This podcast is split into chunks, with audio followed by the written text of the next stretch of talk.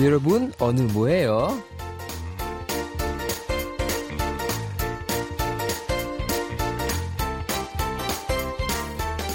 Lagi ngapain nih? Mending berbagi cerita di Kepo bersama DJ Lodi. Seperti biasa ya, aku menemani pendengar setia KBS World Radio hari ini di hari Sabtu dengan topik tren pilihan sharingan catatan harian dan pastinya lagu-lagu hits terbaru di Korea nih. Nah, Kepo tahun 2019 tinggal sisa dua episode guys. Nah, jadi aku udah tease ya di episode yang lalu kalau minggu ini kita bakal bahas tentang perayaan Natal di kota Seoul. Jangan ke mana-mana, tetap di Kepo. Dan sebelum kita masuk ke segmen pertama hari ini, aku mau puterin dulu lagu dari EXO yaitu Obsession. I want you, I want you, I want you, I want you. Natal itu sudah pasti identik dengan lampu warna-warni yang menghiasi kota. Iya nih, yang bikin kota-kota besar di Korea seperti Seoul cantik banget dan orang-orang tetap niat jalan-jalan keliling kota walaupun suhu itu sangat dingin banget ya di luar. Walaupun mayoritas masyarakat Korea bisa dibilang bukan penganut agama Kristiani, Natal itu sudah menjadi bagian tradisi orang Korea nih. Ya mungkin mirip-mirip juga ya dengan perayaan Natal di Indonesia. Walaupun sebagian besar warganya bukan umat Kristiani, bukan berarti orang Indonesia nggak bisa nikmatin suasana Natal yang rame, yang biasanya shopping diskon sambil lihat pohon Natal dengan hiasannya yang megah di mall-mall gitu kan. Kalau di Indonesia kan kebanyakan suasana Natal dirayakan di indoor ya, seperti di mall. Tapi kalau di Korea itu kita justru lebih bisa nikmatin suasana Natal di ruang terbuka. Jadi tiap tahun itu pasti ada festival Natal seperti festival lampu Natal di sepanjang Sungai Chongye atau festival pohon Natal di Busan di Jalan Gwangbok yang dari tahun ke tahun pengunjungnya semakin banyak nih. Nah, mungkin dulu banyak orang yang bayangin nih suasana Natal itu identik dengan adegan-adegan di film Hollywood semacam Home Alone gitu kan ya. Tapi karena drama Korea seperti Winter Sonata, You Came From The Stars, dan Goblin yang settingannya di Korea pas musim dingin, jadi banyak nih turis yang sengaja datang ke Korea buat merasakan suasana Natal di musim dingin. Dan ngomong-ngomong soal romantis nih ya, uh, Natal di Korea itu juga dikenal sebagai hari yang romantis loh. Salah satu tradisi Natal di Korea itu adalah hari buat pasangan ngedate nih alias pacaran. Nah, biasanya kalau di negara lain itu kan Natal waktunya untuk berkumpul bersama keluarga nih ya. Terus tahun baruan bareng pacar atau rame-rame bersama sahabat. Tapi kalau di Korea itu kebalik nih teman-teman. Natal adalah waktu untuk kumpul dengan pacar atau sahabat, baru waktu tahun baru adalah waktu buat keluarga nih. Nah, yang jadi hot item buat Natal tahun ini adalah kue Natal. Hmm, ya, emang setiap tahun pasti kue Natal laris nih. Tapi tahun ini kue yang lagi ngehits adalah kue Natal yang bertema Kidol atau Kid a Doll. Jadi, Kue Natalnya ini dihiasi dengan karakter yang imut-imut yang dibuat kayak untuk anak-anak.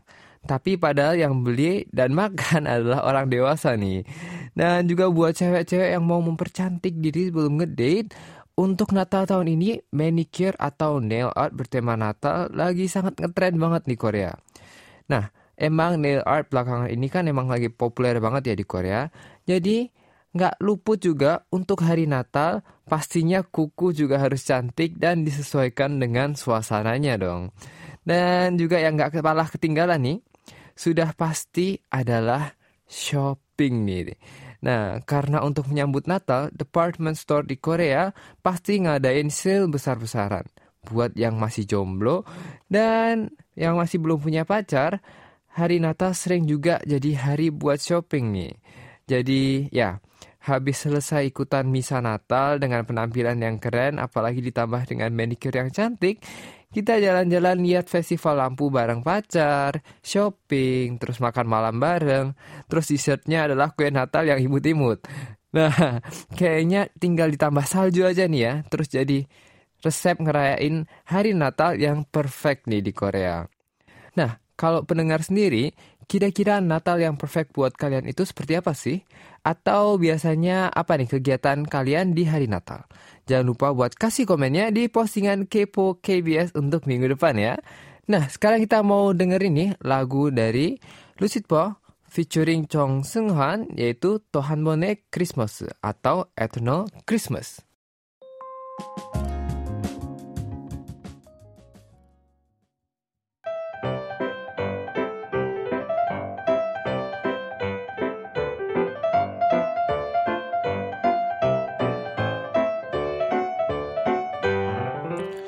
Teman-teman, mari kita berlanjut ke segmen buku harian pendengar atau paper. Ya, tiap minggunya kita akan pilih dua diary atau curhatan dari pendengar untuk dibacain on air dan aku juga bakal kasih komen dan masukan nih. Bukan hanya itu aja, pengirim diary yang terpilih juga akan dapat hadiah dari KBS berupa souvenir dari Korea. Nah, caranya gampang nih. Tinggal ceritain aja keseharian kalian atau curhatan kalian ke email KBS di indonesia at kbs.co.kr atau bisa juga nih kirim lewat DM Instagram at KBS Indonesia atau Messenger Facebook KBS World Radio siaran bahasa Indonesia. Nah, baper pertama kita hari ini adalah dari Nur Hidayah Tanjung yang akan berulang tahun sehari setelah Natal.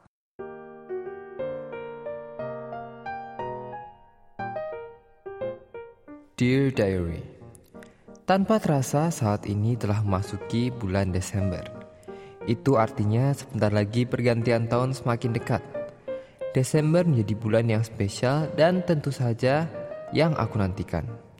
Karena di bulan yang identik dengan musim hujan di daerah tropis, khususnya Indonesia, dan musim dingin di daerah empat musim, entah kenapa Desember terasa menjadi sangat dekat terasa identik dengan diri sendiri dan menjadi bulan yang paling kusuka di antara sebelas lainnya.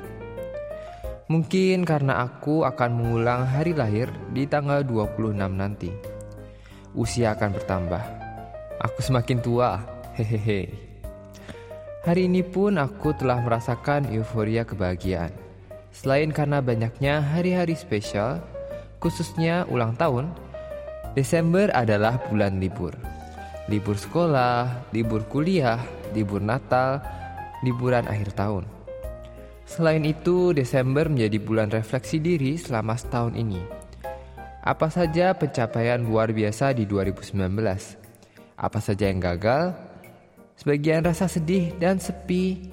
Apa yang paling banyak terjadi serta kebahagiaan-kebahagiaan kecil yang membuat aku terus berjalan. Bangkit ketika benar-benar lelah.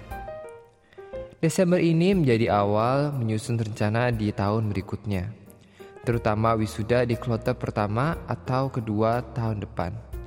Ya, semoga saja. Aku hanya ingin menikmati Desember dengan nyaman dan menanti Januari dengan rencana-rencana serta kebahagiaan baru. Semoga saja. Bye bye.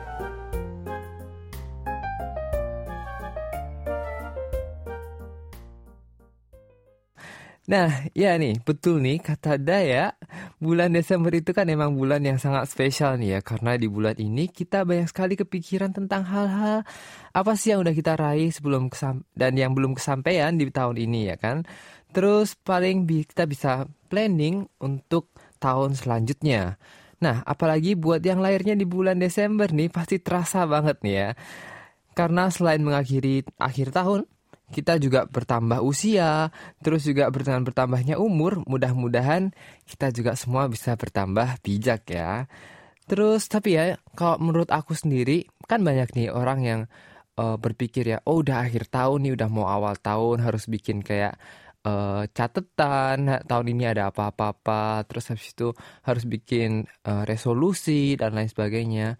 Tapi kalau menurut aku sendiri sih, nggak uh, usah terlalu kayak apa ya terbebani gitu loh untuk uh, bisa atau untuk membuat resolusi yang baru pas pas harus di bulan Desember atau bulan Januari. Karena menurut aku sendiri sih, semua orang itu kan punya timing yang berbeda-beda ya. Jadi kalian semua bisa nih memikirkan semuanya itu dengan menpaskan dengan timing kalian masing-masing nih. Nggak usah harus terbebani bikin kayak resolusi gitu di pas di bulan Desember atau bulan Januari nih. Jadi buat Daya yang sebentar lagi ulang tahun dan mudah-mudahan di hari ulang tahun kamu ini kamu dapat kebahagiaan yang berlimpah dan di tahun depan kamu juga bisa mewujudkan keinginanmu untuk bisa wisuda nih. Oke. Dan itu dia baper pertama hari ini dan untuk baper yang kedua nih aku akan bacain ya. Kiriman dari Nurina Ayuning Tias. Kita langsung aja ya. Halo DJ Lodi, apa kabar DJ Lodi hari ini? Semoga selalu sehat dan bahagia. Karena bulan ini bulan Desember 2019 dan bulan depan sudah memasuki bulan Januari 2020. Maka tentunya aku sudah bersiap untuk membuat list yang berharap banget bisa terpenuhi di tahun 2020. Saatnya untuk diriku mulai perburuan mencari pekerjaan yang sesuai dengan skill dan akademikku. Nah DJ, akhir-akhir ini aku berpikir bahwa kalau kita nanti sudah masuk ke dunia kerja, mau nggak mau kita harus berbaur dengan lingkungan kerja dan taat dengan aturan yang ada. Aku sendiri termasuk anak yang pendiam. Tidak berani membuka pembicaraan dahulu dan termasuk gak aktif dalam berorganisasi. Padahal di kampus banyak banget pilihannya. Dan di kampusku juga ada klub bahasa Inggris, tapi aku merasa takut dan gak percaya diri. Tapi dalam hatiku ada sedikit rasa ingin mencoba. Waktu SMA, aku sempat ikutan organisasi bahasa Inggris dan mau diikutkan lomba debat, tapi gagal karena sasarannya gak sesuai dan aku setuju kalau sebenarnya berorganisasi itu melatih kepercayaan diri kita, melatih cara berbicara kita, dan tentunya tata krama dan sopan santun. Tapi namanya organisasi itu perlu membangun komunikasi juga. Dan kebetulan dulu waktu kuliah di kampusku lebih banyak cowoknya daripada ceweknya. Jadi terkadang aku lebih santai ngobrol dengan cowok dibanding cewek. Tapi aku pingin banget nih bisa menjalin komunikasi dengan cewek. Rasanya kalau aku ngobrol dengan sesama teman cewek itu kadang kurang nyambung atau malah kadang aku cuma ngangguk kalau kurang paham. Kalau menurut Jadi Rodi, gimana sih cara kita bisa menjalin komunikasi dengan entah teman kuliah atau kolega kerja agar kesannya natural, mau itu cowok maupun cewek. Terima kasih DJ. Kalau email ini bisa dibacain, Have a nice day.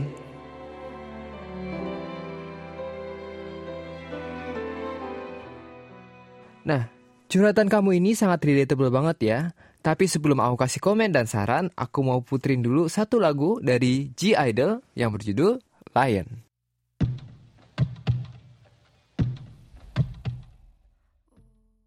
Hmm, Terus terang nih, aku orangnya kan sebenarnya introvert gitu ya. Tapi setiap kali kita bertekad dan ingin melakukan sesuatu, emang yang paling penting adalah mengambil langkah pertama nih. Nah, DJ Nikita yang juga tim penulis Kepo bilang nih, katanya dia ngerasain banget cerita kamu. Soalnya dulu DJ Nikita suka nggak percaya diri, temennya kebanyakan cowok dan susah buat nyambung sama yang teman-teman cewek.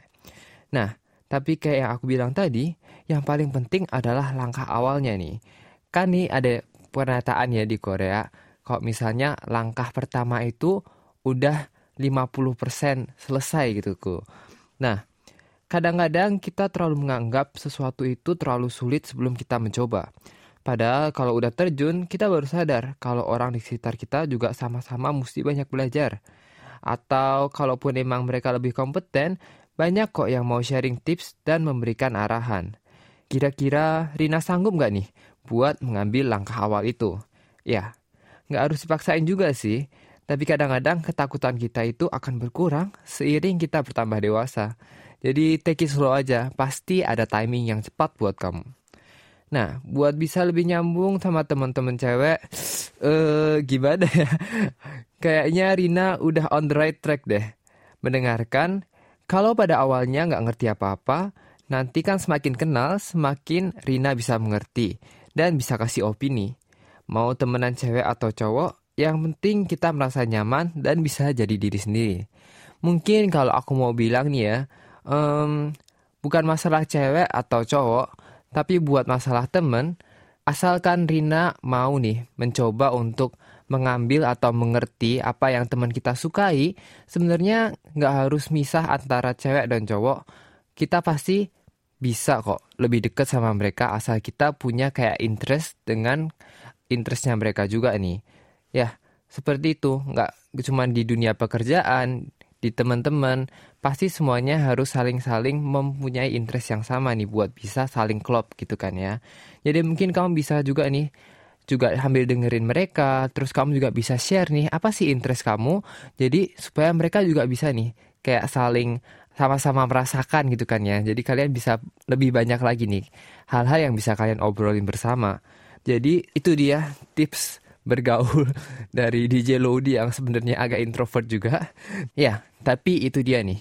Paper kita hari ini yang udah dua-duanya kita bacain. Dan buat Daya dan Rina, jangan lupa buat konfirmasi email kalian ke indonesia at kbs.co.kr ya.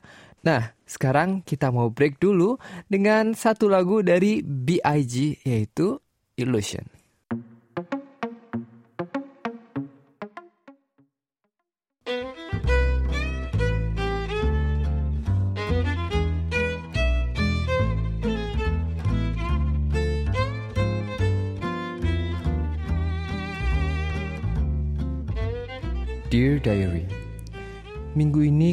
Dengan sebuah kebingungan.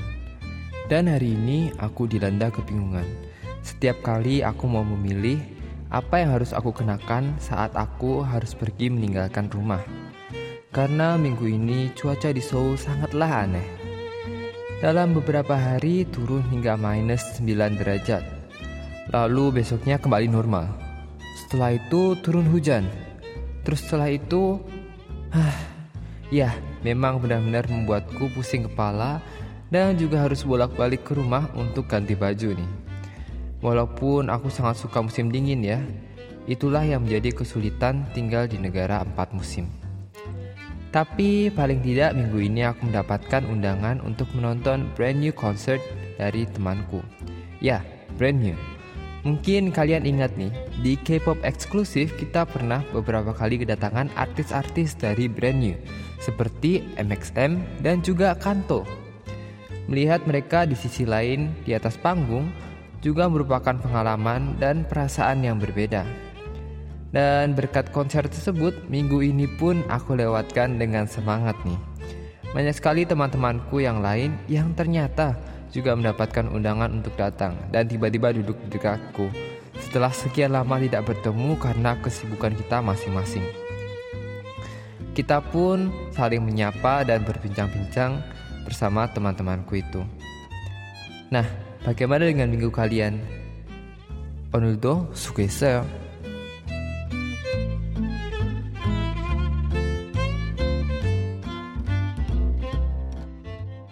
Demikian diaryku untuk minggu ini. Kita lanjut lagi ya dengan lagu selanjutnya yaitu dari Obtention yaitu Your Gravity.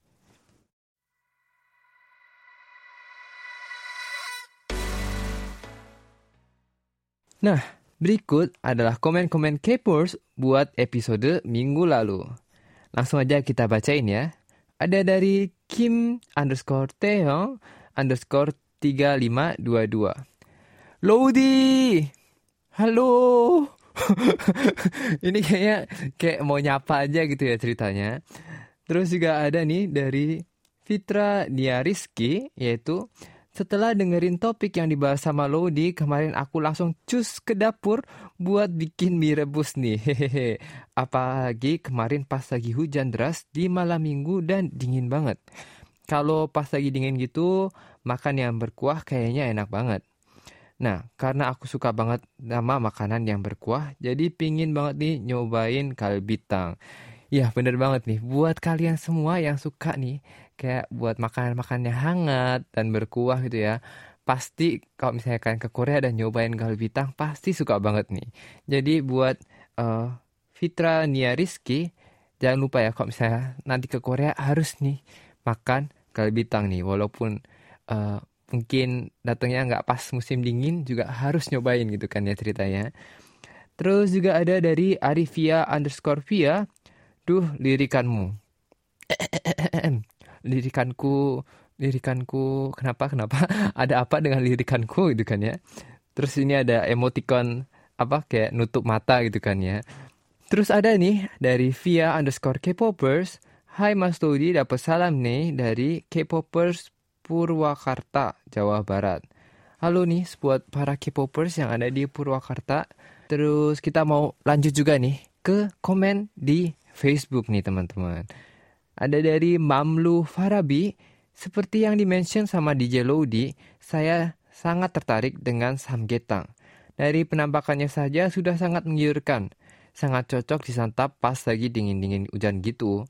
Dan kalau dilihat dari komposisinya yang ada ginsengnya, wah sungguh menyehatkan sekali.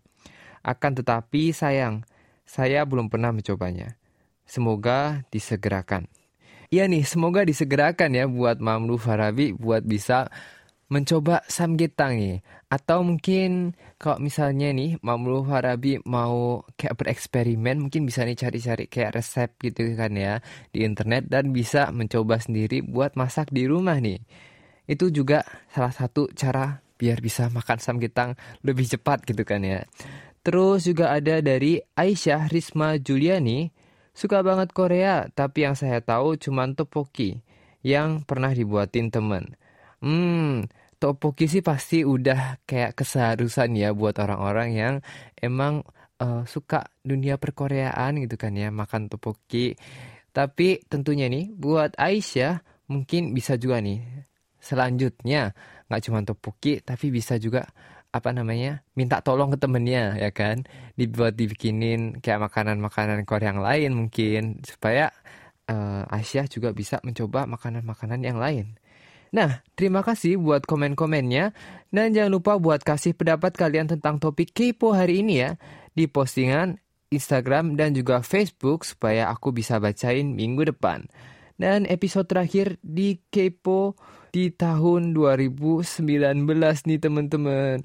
Dan sebelum pamitan, kita dengerin dulu nih satu lagu berjudul Trip dari Hinapia.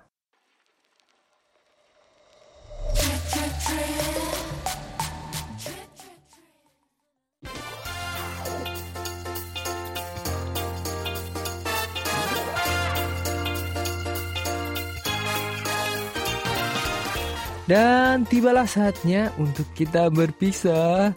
Tapi jangan sedih, soalnya aku bakal balik lagi minggu depan buat mengulas tentang highlight trend di tahun 2019. Ya, minggu depan kita bakal ngomongin lagi hal-hal yang paling berkesan di tahun 2019 ini. Jadi jangan sampai ketinggalan kepo minggu depan di waktu yang sama. Kita jumpa lagi besok di Bahana Lagu Korea bersama DJ Niken. Dan aku di sini pamit dulu ya. Terima kasih atas kebersamaannya. Onuto sugoeseo. Happy weekend dan annyeong.